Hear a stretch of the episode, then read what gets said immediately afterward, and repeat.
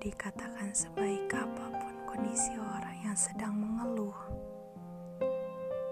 perasaan sedih, susah,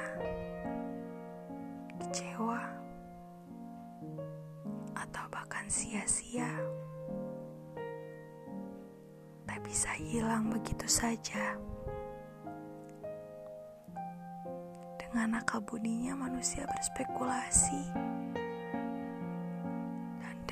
hatinya. Manusia merasa Lalu mengapa pada susah hati manusia tak bisa bersimpati? Seperti menangis tidak berarti lemah. Mengeluh tidak berarti tak tahu diuntung sebagaimana sedih memperbolehkan tangis, kesusahan memperbolehkan keluh.